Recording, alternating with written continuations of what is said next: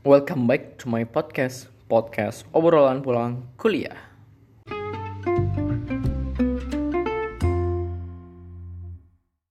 Assalamualaikum warahmatullahi wabarakatuh. Perkenalkan nama saya, nama aku, nama gue, nama gue aja lah ya. Nama gue Nandoli Rahman, Ilmu Politik angkatan 2017 dan selamat datang lagi di podcast obrolan pulang kuliah. Mungkin udah sebulan lamanya gue dua bulan mungkin ya gue nggak update podcast gue karena ada kesibukan lain hal. Dan kali ini gue bakal mengedukasi asik enggak lah mensosialisasi enggak lah jangan-jangan. Mengobrol-ngobrol aja ngomongin bareng. Dan mungkin ini gue sendiri aja karena partner gue jauh dan ntar gue coba menghubungi dia untuk membicarakan tentang kebijakan-kebijakan dari pemerintah terhadap apa yang kita alami sekarang. Gimana kabarnya? Apakah sehat pemerintah sudah menerapkan, bukan menerapkan, sudah menjelaskan bahwa akan ada adaptasi kebiasaan baru atau new normal lah ya. Itu nama dari pemerintahnya adaptasi kebiasaan baru. Tapi kalau kita biasa ketahui adalah new normal atau skenario percepatan langkah penanganan virus corona COVID-19. Dilansir dari tirto.id, Organisasi Kesehatan Dunia, World Health Organization, menyatakan tidak ada cara cepat untuk melawan virus corona. Menurut WHO, negara-negara terutama di Eropa telah memasuki periode untuk menyesuaikan langkah dengan cepat dan meredakan pembatasan secara bertahap. Indonesia menjadi salah satu negara yang hendak melakukan skenario new normal untuk mempercepat penanganan COVID-19 dalam aspek kesehatan dan sosial ekonomi pemerintah telah mengumumkan rencana untuk mengimplementasikan skenario new normal dengan mempertimbangkan studi epidemiologis dan kesiapan regional. Nah, WHO juga mengingatkan nih untuk negara-negara yang hendak melakukan transisi untuk memperhatikan hal-hal berikut. Yang pertama, bukti yang menunjukkan bahwa transmisi COVID-19 ini dapat dikendalikan. Kita juga melihat apakah transmisi di tingkat lokal ini bisa dikendalikan dengan baik apa tidak oleh pemerintah. Terus kapasitas sistem kesehatan dan kesehatan masyarakat termasuk rumah sakit tersedia untuk mengidentifikasi, mengisolasi, menguji, melacak kontak dan juga mengkarantina. Karena kalau fasilitas kesehatan pun tidak ada, maksudnya kurang, tenaga medis kurang, fasilitas kurang, bagaimana kita mengetahui penyebaran virus corona ini? Benar nggak teman-teman? Nah, Risiko virus corona diminimalkan dalam pengaturan kedatangan tinggi, terutama di panti jompo, fasilitas kesehatan mental, dan juga tempat-tempat yang biasanya ramai. Mungkin kalau di tempat ramai kayak di pasar, di mall, atau di fasilitas umum lainnya. Perlu juga ada langkah-langkah pencegahan di tempat kerja nih, yaitu tetapkan dengan physical distancing, fasilitas mencuci tangan, dan juga ada ventilator untuk kebersihan pernapasan. Nah, kita juga harus melihat bagaimana kebijakan risiko kasus impor dapat dikelola. Kasus impor ini bahwa COVID-19 ini kan merupakan kasus impor ya, virus impor dari Wuhan di Tiongkok. Nah, kita juga harus pemerintah juga harus membatasi penerbangan luar negeri untuk meminimalisir penyebaran virus corona ini. Nah, penting juga nih masyarakat itu memiliki suara dan juga dilibatkan dalam kehidupan new normal. Jangan sampai kita masyarakat tidak dilibatkan dalam kebijakan adaptasi kebiasaan baru karena setiap kebijakan itu diperlukan juga masyarakat untuk mengevaluasi mengawali kebijakan ini. Nah, karena virus corona ini selain menyerang fisik, mental, sosial, politik, ini juga berat uh, karena Kementerian Perekonomian akan berencana untuk memulihkan sektor bisnis dan juga ekonomi. Nah, gimana teman-teman nih yang punya orang tua punya bisnis atau lu semua punya bisnis itu pasti mengalami apa ya mandek lah bahasanya mandek untuk tidak bisa bergerak lagi bisnis dan ekonominya. Nah itu ada pertama ada beberapa fase ada lima fase diterapkan oleh Kementerian Perekonomian. Fase pertama 1 Juni 2020 itu udah diterapkan kemarin toko pasar dan mall belum diperbolehkan buka. Cuma toko kesehatan dan dengan catatan tetap mematuhi protokol kesehatan.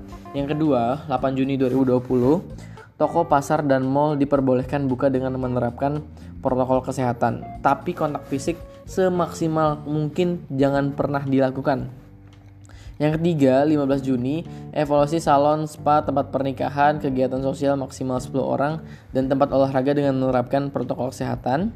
Fase keempat, 6 Juli 2020, bukan bertahap kafe, restoran. Tapi gue agak aneh sih, karena di tempat gue, di Tangerang Selatan, sebelum tanggal 6 Juli, Cafe juga sudah buka, restoran juga sudah mulai buka. Nah, mungkin lu semua yang punya mungkin punya kafe atau punya teman dekat kafe atau orang tua yang punya kafe, restoran atau tempat-tempat umum yang lain untuk saling mengingatkan tetap menjaga protokol kesehatan yang dijelaskan oleh Kementerian Kesehatan. Nah, jadi jangan sampai kita walaupun kita punya kita nggak punya uang atau misalnya bisnis kita mandek, tetap jaga penyebaran COVID ini. Jangan sampai teman-teman kafe teman-teman restoran teman-teman jadi epicentrum baru klaster baru. Ber, itu juga di kegiatan beribadah misal di masjid di gereja atau di tempat-tempat ibadah lainnya. Fase kelima 20 sampai dan 20 Juli 2020 itu akan ada evaluasi kegiatan usaha. Sampai vaksin bisa ditemukan dan disebarluaskan. Sampai kapan? Gue juga nggak bisa mengetahui sampai kapan? Karena juga semua dunia dan lain-lainnya uh, semua masih mencari vaksin ini agar kita terhindar. Mungkin pernah juga terjadi pas di flu Spanyol. 1800 1900 itu mematikan berjuta-juta orang.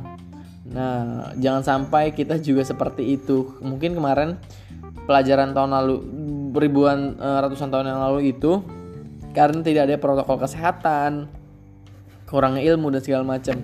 Nah sekarang udah uh, udah banyak protokol udah banyak ilmu dan segala dan yang lain itu pastinya kita bisa sama-sama mengerti dan juga cepat vaksin ini ditemukan. Protokol kesehatan uh, juga dijelaskan dalam keputusan Kementerian Kesehatan itu dalam tempat kerja perusahaan itu wajib membentuk tim penanganan COVID. Jadi kalau lu semua para pimpinan perusahaan, bapak-bapak direksi semua, tolong dibuat tim penanganan COVID ini di setiap perusahaan. Jangan sampai perusahaan Anda menjadi klaster baru dalam COVID-19 ini. Pimpinan kerjaan harus memberikan kebijakan dari prosedur untuk pekerja. Misalnya, pekerja itu, pegawainya harus melaporkan setiap ada kasus yang dicurigai seperti gejala demam, batuk, pilek, semuanya harus sadar diri ketika ada gejala itu. Kita nggak tahu teman-teman apakah OTG OTG itu orang tanpa gejala PDP ODP itu kan gak ada yang tahu. Jadi teman-teman silahkan jujur kepada petugas kesehatan ketika ditanyai mengenai kesehatan fisik atau uh, riwayat perjalanannya. Nah jangan juga sampai kasus positif ini menjadi sebuah stigma yang buruk. Nah, jadi jangan sampai orang kalau kena COVID ini jadi takut. COVID ini sebenarnya menurut gua pribadi tidak berbahaya. Yang berbahaya itu penyebaran virus coronanya karena ini mempengaruhi uh, mempengaruhi sosial ekonomi dan lain-lainnya. Itu juga mempengaruhi. Jadi jangan sampai kasus positif ini sebagai stigma yang buruk, teman-teman. Nah, pengaturan bekerja dari rumah Bapak-bapak direksi yang terhormat, ketika pegawainya memang bisa bekerja dari rumah, tolong kerjakan saja dari rumah.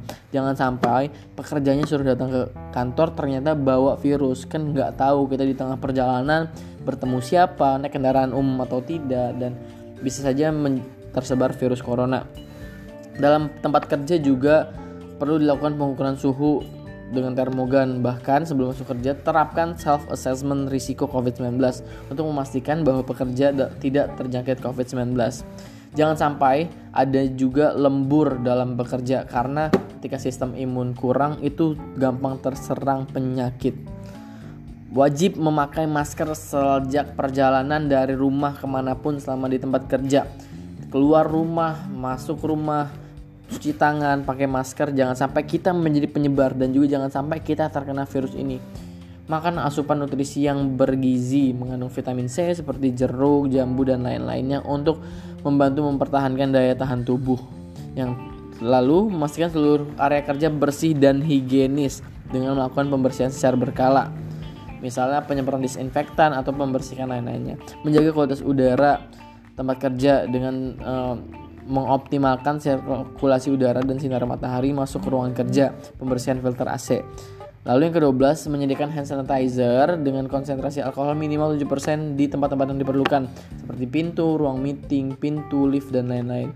Juga harus menyediakan sarana cuci tangan, memberikan memasang poster edukasi, cuci tangan yang benar, menerapkan physical distancing untuk pengaturan meja atau misalnya mengantri dalam suatu hal, pengaturan kursi-kursi di kantin dan kita secara pribadi harus selalu mengkampanyekan gerakan masyarakat hidup sehat dengan menerapkan pola hidup sehat dan pola hidup sehat dan perilaku hidup bersih dan sehat. Lalu hindari penggunaan alat pribadi secara bersamaan seperti alat sholat, alat makan. Jadi teman-teman semuanya lu pada harus menjaga itu semua.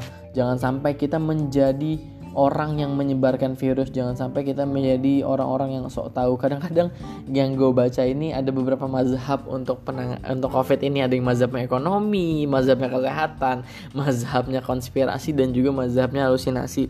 Jadi silakan pilih teman-teman. Gue di sini cuman menjabarkan apa aja yang perlu dilakukan oleh teman-teman semua dan juga memperkenalkan ini normal itu apa. Gue bakal balik lagi untuk podcast selanjutnya. Tetap bahasan tentang covid-19 atau new normal tentang kebijakan masyarakatnya seperti apa kita akan bicara di sini. Tunggu aja episode selanjutnya. Uh, terima kasih dari gue tetap jaga kesehatan jangan pernah uh, jangan sampai sakit. Keep healthy and um, apa ya? Ya pokoknya tetap sehat lah intinya. Terima kasih dari gue. Wassalamualaikum warahmatullahi wabarakatuh. Dadah